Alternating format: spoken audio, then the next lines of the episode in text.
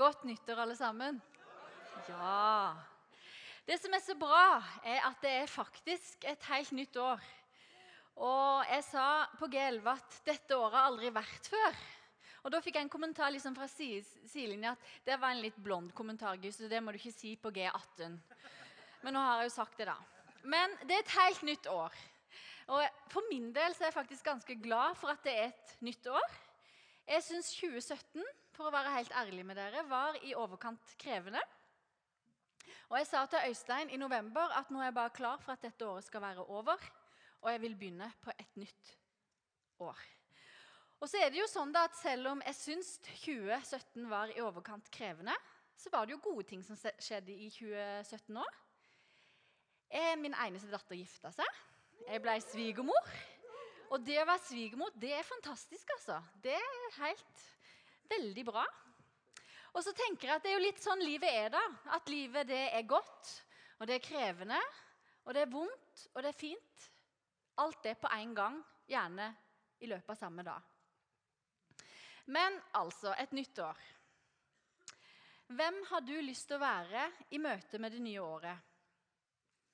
Har du noen ny nyttårsforsetter? Jeg har ingen. Jeg burde sikkert ha noen, men jeg gidder ikke. Så jeg har ingen nyttårsforsetter. Det første jeg har lyst til å si noe om, det er hvem vil du være, og hvordan vil du leve i 2018. Vi har den hverdagen med det livet vi har. Men er det det livet du vil leve? Føler du at samfunnet, familien, venner krever at du lever det livet du egentlig ikke vil leve? At du ikke er helt fornøyd? Føler du at du har kommet på en karusell som går så fort at du ikke har sjanse til å komme av den, og du har slett ikke sjanse til å stoppe den? Eller tenker du litt sånn at livet av og til baller på seg fra alle kanter, og det er så mye som skjer at du har mer enn nok med å bare sjonglere alt? Eller er det kanskje sånn at du har studert, og så har kanskje ektefellen din studert, og så har dere begynt å jobbe, og så har dere kjøpt hus, og så har dere kjøpt hytte, og så har dere kjøpt bil, og så har dere kjøpt litt større hus igjen. Og så er du inne i en runddans at nå må vi jobbe fullt. Og så blir livet ditt litt sånn at eh, du jobber fullt, du kjører unger til og fra. Og livet ditt det består av å dirigere, administrere organisere og være vaktmester i eget liv. Jesus han sier at han har skapt oss til å leve et liv i frihet. Til frihet har Kristus frigjort oss. Og i Galaterne 5,1 så står det Mist ikke den frihet Kristus har gitt dere. Kristus har satt oss fri fra vårt slaveri, slik at vi for all framtid kan leve i friheten. Lever du et liv i frihet, eller er du fanga i ditt eget liv?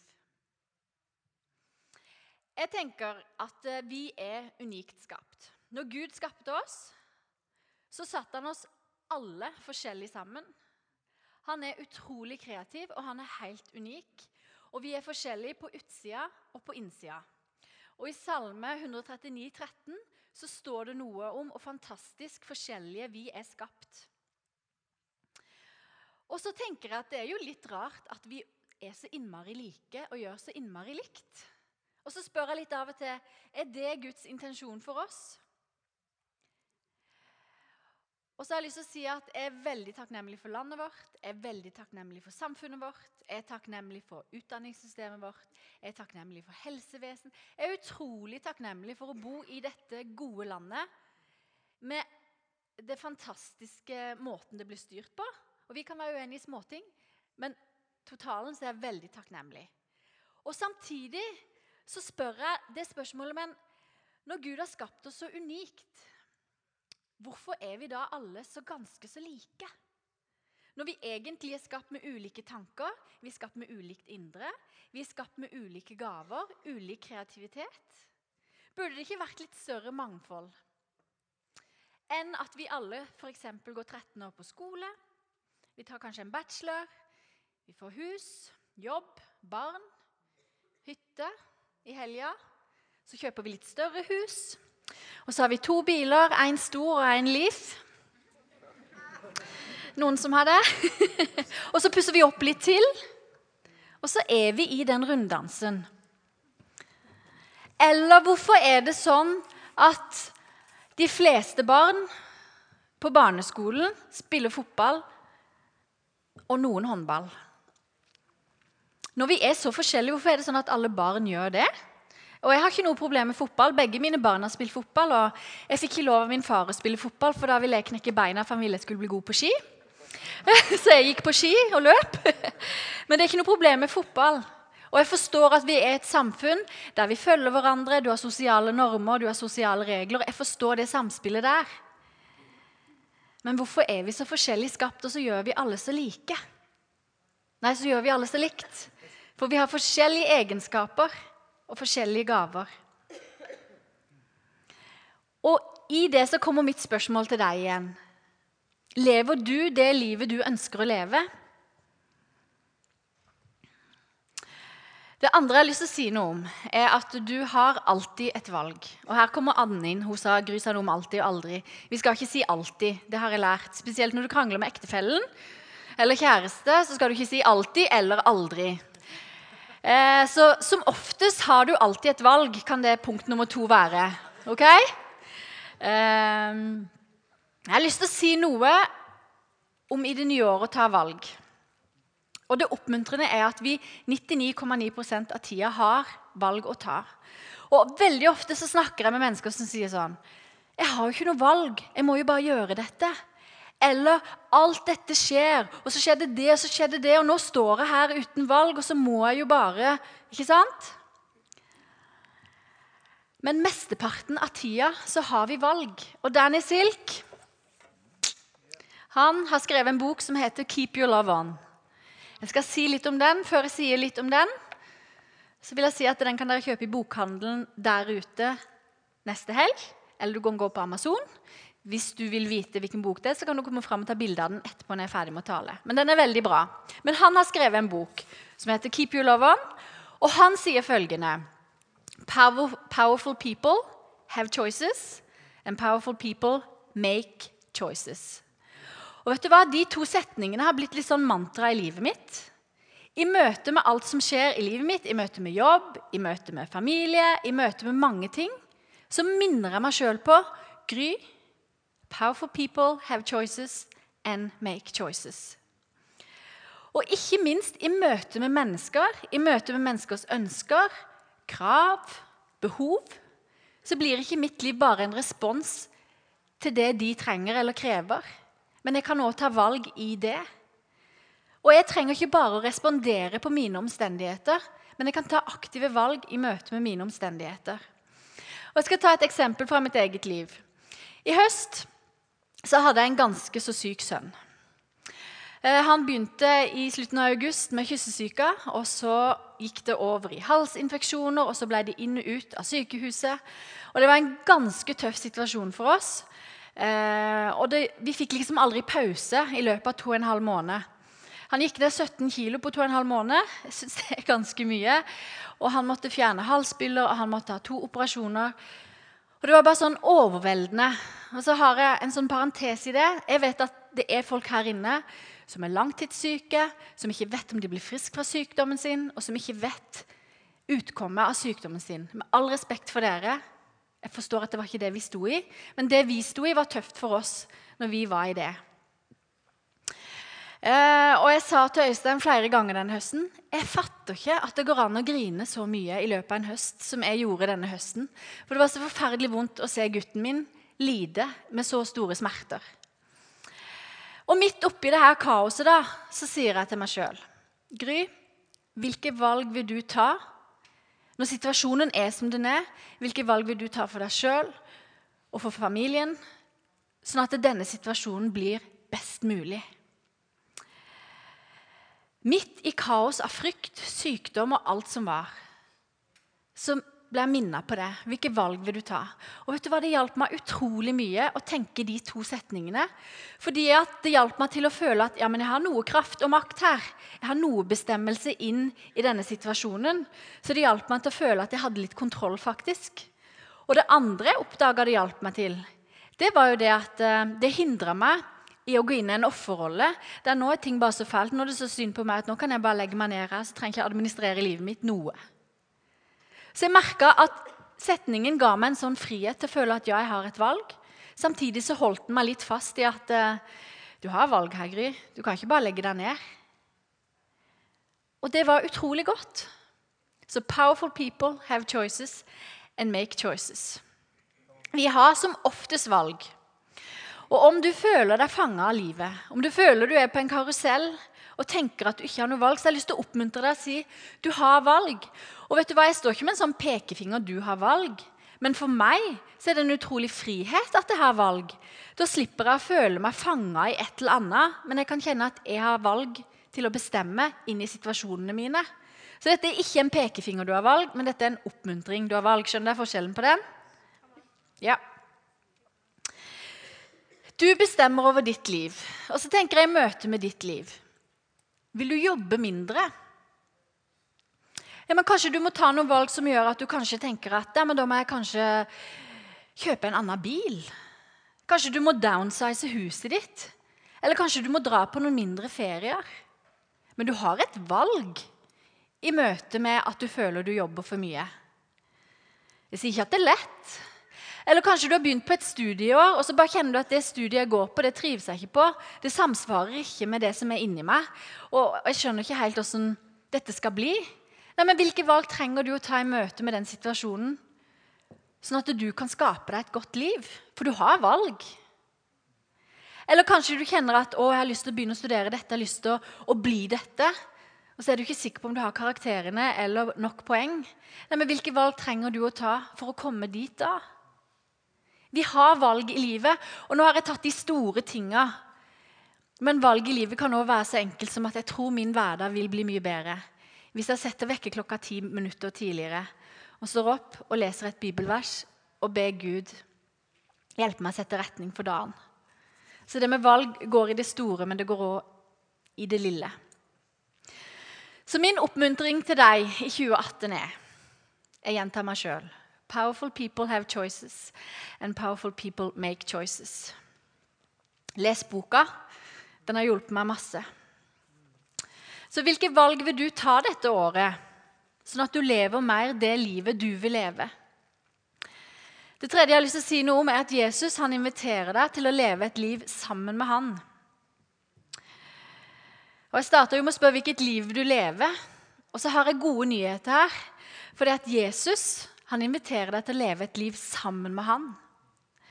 Og I første kor 1.9 så står det Gud er trofast, han som har kalt deg til samfunn med sin sønn, Jesus Kristus, vår Herre. Og vet du hva? Han kaller deg til et liv i frihet sammen med han. Og når han skapte deg, så la han ned i deg en vei, han la ned i deg et liv, talenter og gaver som du skulle få lov å leve i. Og Det står i Guds ord at han har lagt pilegrimsveien ned i hjertet ditt.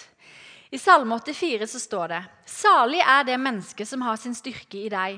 De som har fått pilegrimsveien lagt ned i hjertet.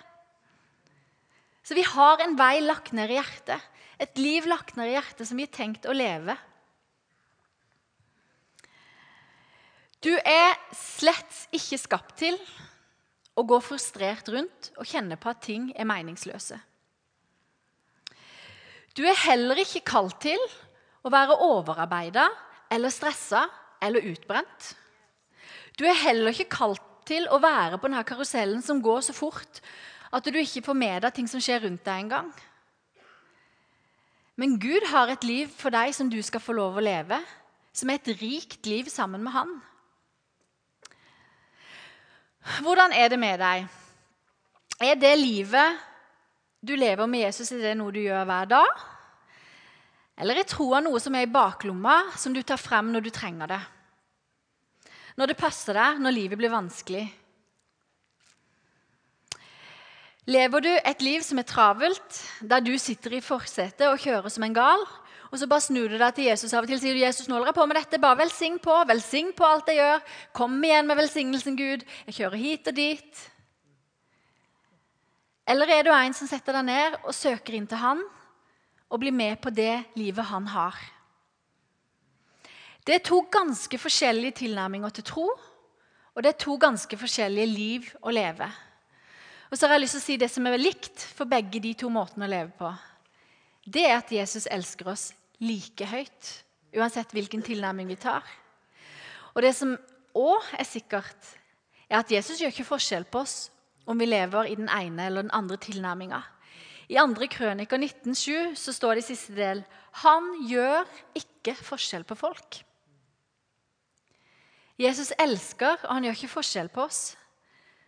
Men vi må samtidig ta et valg om å la han lede oss, for det er ikke noe han kan tvinge oss til. Han kan elske oss uansett, men vi må velge oss å henge oss på han. Og jeg tenker litt sånn Vet du at Jesus har gitt deg nok tid, nok kraft og nok gaver til å leve ut det kallet han har lagt ned i deg? Og da tenker jeg litt sånn Hvis vi da hele tida føler oss slitne, utbrente, stressa, utilfredse, kan det da hende at vi gjør en del ting som vi ikke var kalt til? Og så forstår jeg, fordi jeg er 42 år, har blitt ganske stor, så skjønner jeg at livet er ikke så svart-hvitt. Altså, Av og til så står du liksom bare og har mer enn nok med å sjonglere livet. ikke sant? Men allikevel er det noe sant i det. At hvis vi er ganske så frustrerte hele tida, kanskje det er ting vi gjør da som vi ikke var tenkt til å gjøre. Jesus han har designa oss, han har skrudd oss sammen. Han kjenner oss fullt ut. Han forstår oss. Han vet til og med hvor mange hår vi har på huet. Og han er den eneste som har fullkommen kunnskap om hvem vi er her på innsida. Om hvem vi er, og hva vi er tenkt til å være, og hvordan vi fungerer. Og han som vet alt dette, han inviterer oss til å leve et liv sammen med han. Han har aldri tenkt at vi bare skulle eksistere. Men han har virkelig tenkt at vi skal få leve livet fullt ut. Han sier, 'Jeg er kommet for at dere skal ha overflod og liv'. Og I Johannes 10,10 10 så står det, 'Tyven kommer bare for å stjele, myrde og ødelegge.' 'Jeg er kommet for at de skal ha liv og ha overflod.' Hva med å begynne 2018 og si til Gud, 'Du skal få lov å være sjåføren i førersetet i mitt liv'? Hva med å begynne 2018 i stillhet og vente på Herren? Og la Han få fylle deg med sitt håp og sin visjon for ditt liv. Og tenk så deilig å få lov å leve livet ut ifra det sinnet en sjøl har. Ut ifra sånn som en er skrudd sammen. Tanker og følelser og ideer og kreativitet. Tenk hvor deilig å få lov å leve et liv der alt det som er inni oss, samsvarer med det vi gjør ut. Og så har jeg lyst til igjen å si at du har valg. Du trenger ikke å si nei, men ting er sånn i livet mitt, Gry, og du forstår ikke, Gry, og sånn og sånn er bare ting. Det er sånn. Vet du hva, du har alltid et valg. Nå bruker jeg alltid. Som oftest alltid et valg. Og med Jesus, og nå bruker jeg alltid med store bokstaver og to streker under svaret Med Jesus så fins det alltid en ny start. Og det er alltid. I Jesaja så står det Se, jeg gjør noe nytt. Nå skal det spire fram. Skal dere ikke kjenne det? Jeg vil gjøre vei i ørkenen, strømmer i ødemarken. Jeg skaper noe nytt.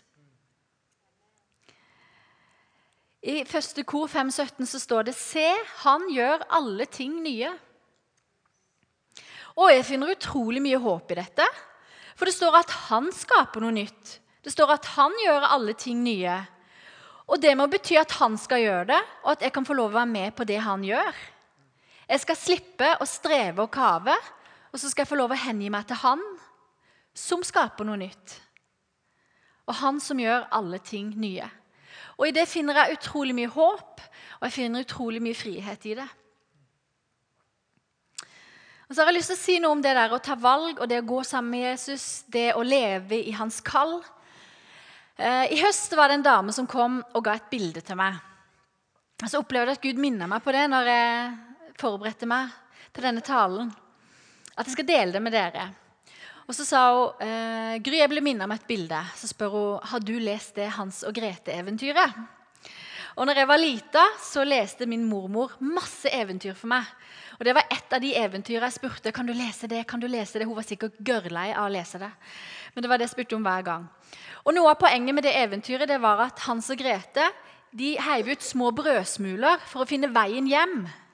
Men det som skjedde, det var at fuglene spiste opp brødsmulene, så de fant ikke veien hjem. Men så la de ut sånne hvite steiner som lyste i mørket, og så fant de veien hjem. Og så sa hun til meg at jeg opplever at Gud legger ut sånne hvite steiner for deg, sånn at det skal være veldig lett for du å finne veien i forhold til Gud. Det skal være veldig lett for deg å se hva du skal gjøre. Og så opplever jeg at Gud sier det til dere òg. At Gud legger ut sånne hvite steiner, sånn at det skal være lett for du å se hvilken vei du skal ta, hvilket valg du skal ta. Så skal det være like tydelig som en sånn hvit stein som lyser i mørket. Når vi ber Gud om å lede oss, så leder han oss tydelig.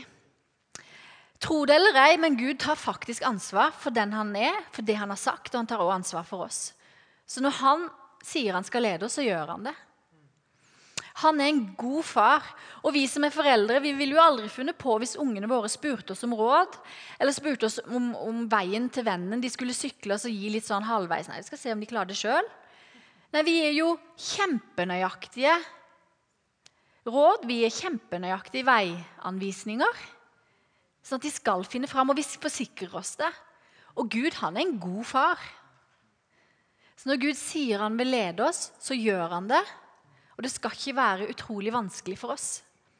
Men av og til så tror jeg vi må stoppe opp og lytte, sånn at vi har tid nok til å høre. Og så må vi øve oss til å gjenkjenne stemmen og hjerteslagene. Det fjerde jeg har lyst til å si noe om, det er at han fyller oss med fred. Og når jeg gikk på Ansgar-skolen, så lærte jeg det at en tale har en innledning, tre punkt med underpunkter og en avslutning. Så nå har jeg fire punkt. Så det er jo helt feil. Men jeg gjør det med stor frimodighet. Har du fred i hjertet sin? For Jesus han fyller oss med fred. Jesus han sier at midt i stormen så kan vi ha fred. Og Jesus han kaller seg for fredsfyrsten. Og jeg tror at Jesus virkelig fyller oss med fred. Og For en del år siden så gikk jeg til Irene og så Jeg sier jo ting litt rett ut, da. Så sa jeg at jeg er utrolig skuffa på Jesus, for jeg syns ikke han leverer i det hele tatt. Og det mente jeg. Jeg var skikkelig skuffa, og jeg var lei meg. Fordi at jeg sto i noen sånn vanskelige situasjoner, og, jeg, var, og var, jeg opplevde det storma i livet mitt. Og så opplevde jeg at jeg, at at jeg kjente noe fred. Og så har jeg lest gang på gang hvordan Gud fyller oss med fred. og Om vi går i dødsskyggens dal, så skal vi ikke frykte. og Jeg vet ikke alle de fredstingene jeg har lest. Og så opplevde jeg at her er det i hvert fall ikke noe fred. Og Jesus han leverer ikke på det området. Så fikk jeg og Irene gått noen runder sammen. Eller hun gikk noen runder med meg. Det skal du ha, Irene. Der vi fikk samtalt litt. Så vi fikk snakka om det at Guds fred er faktisk noe som er konstant som et grunnvann inni oss. Det er noe som han har gitt oss, og noe som han har lovt vi skal ha. Men av og til så er det sånn i livet at vi har ganske mange følelser. Eller når ting står på, så er det ting vi må bearbeide og snakke om. Men under der er Guds fred. Og Etter de samtalene så begynte jeg å forstå og så begynte jeg å kjenne at ja, vet du hva, Guds fred er der faktisk, selv om det stormer i livet. Og Det har jeg lyst til å oppmuntre dere om, at Guds fred den er konstant. Gud er konstant, og den er der. Og Gud sier ikke dette her bare for tull. Men av og til så er vi så i følelsene våre at vi må få bearbeida de. Og så er Guds fred likevel, selv om vi har masse følelser eller ting står på. Guds fred er der som et grunnvann som er konstant. Samtidig så kan vi ha fredstyver i livet. Jeg føler jeg har funnet opp det ordet til denne talen. Fredstyver, var ikke det fint? Jeg syns det var kreativt, det eh, fredstyver. Og Jeg har lyst til å snakke om en fredstyv som jeg syns er ganske stor i manges liv. Og det er sosiale medier. På alle mulige måter. Vi ser mange likes, eller vi håper på å få mange likes. Vi ser det perfekte liv. Vi ser eh, fester og sammenkomster der ikke vi var invitert. Vi ser folk som gjør det ene eller det andre. Og vi kan til og med være på ferie, og så kan vi kjenne så kjekk ferie her, men så ser vi noen andre som har en ferie, så tenker vi å, jeg hadde jo ikke så kjekt som de. Ikke sant? Og så kjenner vi at vi kommer til kort. Og så vet vi at sosiale medier gjenspeiler, gjenspeiler ikke hele sannheten i det hele tatt. For det er mange ganger jeg ser gode venner legge ut ting som jeg tenker det gjenspeiler ikke i hvert fall åssen livet, hele livet deres er. Og så har jeg lyst til å ta noen eksempler. Et litt morsomt eksempel, men som jeg tror er litt typisk, det var eh, i mai. Så fikk jeg og Øystein og Elling, han er pastor i menigheten, og Hildegunn, kona hans, vi fikk gratisbilletter til Justin Bieber-konsert.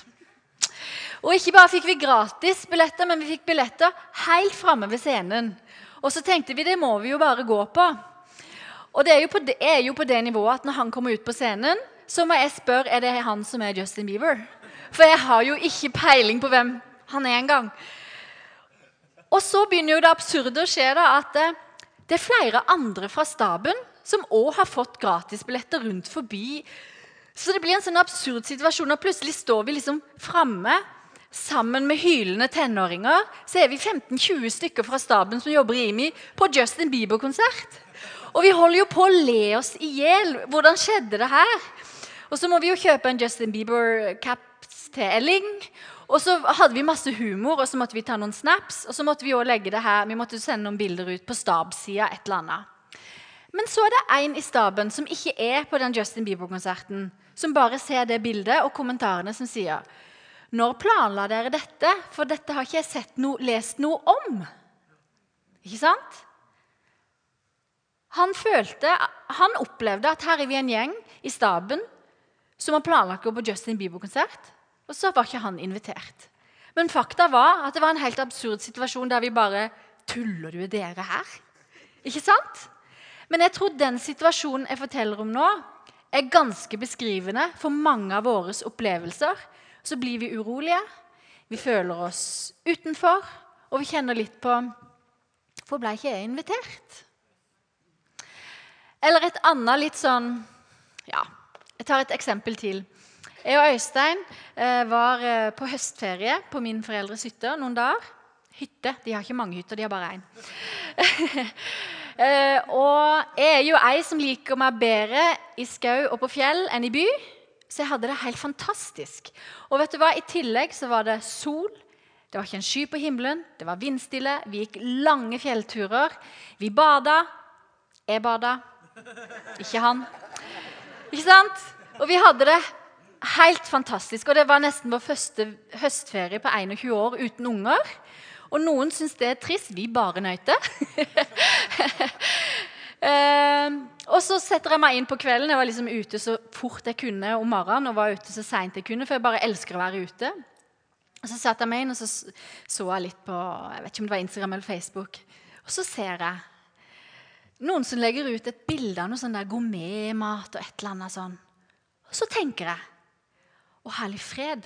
Tenk at vi har dratt på høstferie, bare jeg og han, og vi har mulighet til å lage så god mat. Så jeg har ikke tenkt på det engang.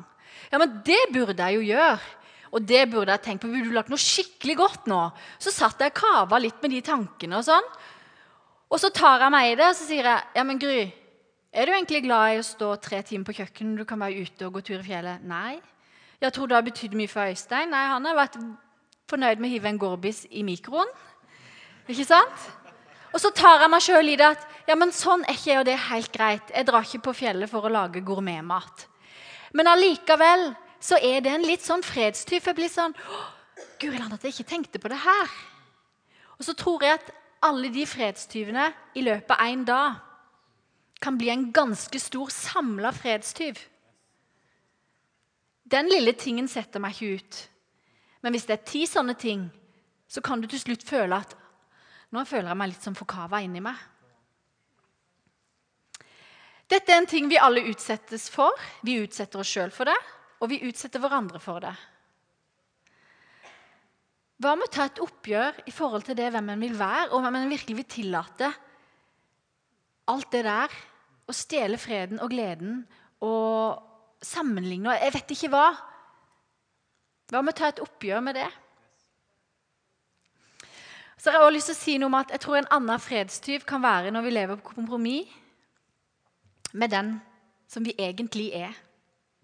Og Det er derfor jeg stiller dette spørsmålet i kveld. Hvem vil du være? Og hvordan kan du ta gode valg der du ikke kommer på kompromiss med den du vil være? Lever du et helt liv? Er du ærlig med deg sjøl? Er du den du utgir deg for å være? Er du den du sier du er? Er du den samme rundt alle mennesker? Og parentesen, Jeg skjønner jo at vi er litt annerledes med noen på 80 og noen på 2. Men vi kan fortsatt være den samme, ikke sant? Om vi ikke lever hele, ærlige liv med oss sjøl, så tror jeg det kan være ganske vanskelig å finne fred.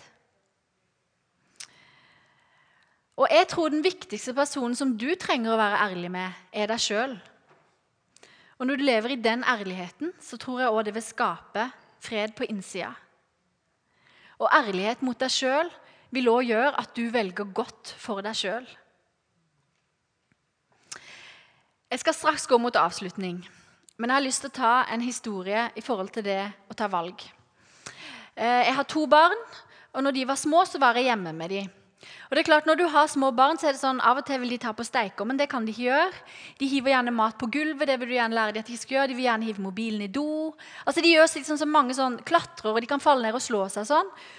Så opplevde jeg når jeg var hjemme med dem, at jeg syntes det ble så mye nei, nei, nei, nei. nei. Og jeg tenkte disse ungene, når de ble fire år, så kom de til å kunne si mamma og nei.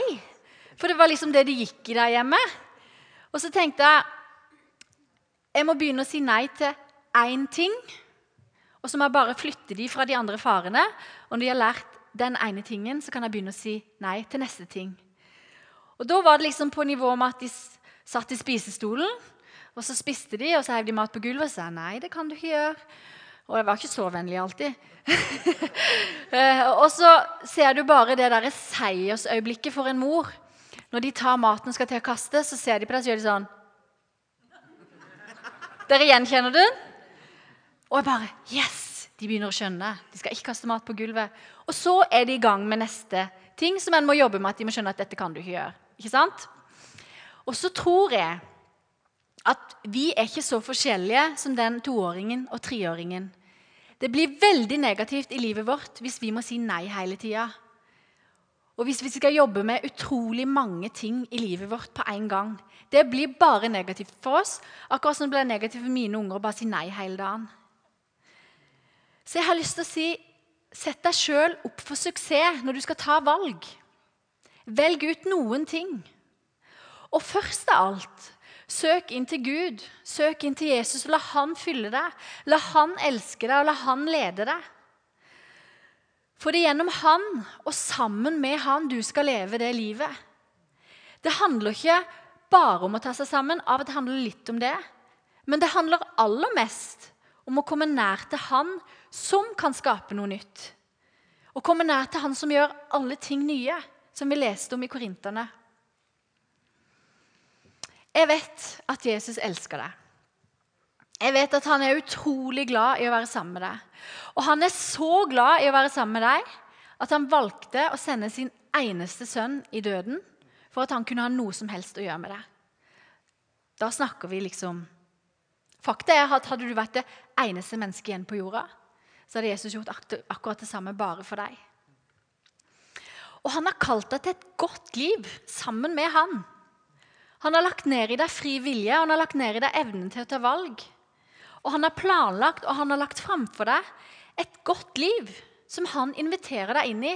Og han har aldri lova eller lovt at det alltid skal være lett, men han har lovt å være med. Så hvordan vil du leve i 2018? Hvilke valg trenger du å ta, sånn at du lever det livet du har lyst til å leve? Sånn at du får det godt. Sånn at du kan få lov å leve et liv i overflod. I Guds plan, sånn som du var tiltenkt. Jesus er her med sin konstante fred. Han er her med sitt konstante nærvær. Og så sier han jeg har et utrolig godt og spennende og rikt liv for deg. Så spør han om du lever det sammen med meg. Vi skal be. Jesus, jeg takker deg for at uh, du hadde aldri tenkt at vi skulle gå rundt og være frustrerte, misfornøyde, stressa, oppgitte. Men du har tenkt at vi skal få lov å leve et rikt liv sammen med deg, Jesus. Og jeg takker deg, Jesus, for at du aldri har tenkt at alle vi her inne skal være like eller gjøre likt. Men du har lagt ned i oss unike gaver og talenter. Du har lagt ned i oss et forskjellig indre, sånn at vi skal få lov å leve forskjellige liv sammen med deg, Jesus. Og Jeg ønsker å be deg om at 2018 blir et år der vi mer og mer blir oss sjøl i form av den vi var tenkt å være. Jeg ber deg om at vi i 2018 må få lov å ta valg som gjør at vi skaper gode liv for oss sjøl, Jesus. Og jeg ber deg om at vi må få lov å leve liv som er ærlige og hele. Og kjære Jesus, jeg ber deg om at du skal komme til hver enkelt nå, Jesus. Kom, Jesus, med din invitasjon om et liv i overflod. Et liv som er fullt av liv. Et liv som er rikt, et liv som er fullt av glede, Herre. Kom og fyll oss med det. Jeg takker deg for din invitasjon. Og jeg takker deg, Jesus, for at du aldri bare inviterer oss og sier 'nå må du fikse'. Men du inviterer oss, du legger til rette, og du fører oss inn i. Så stor er du, Gud.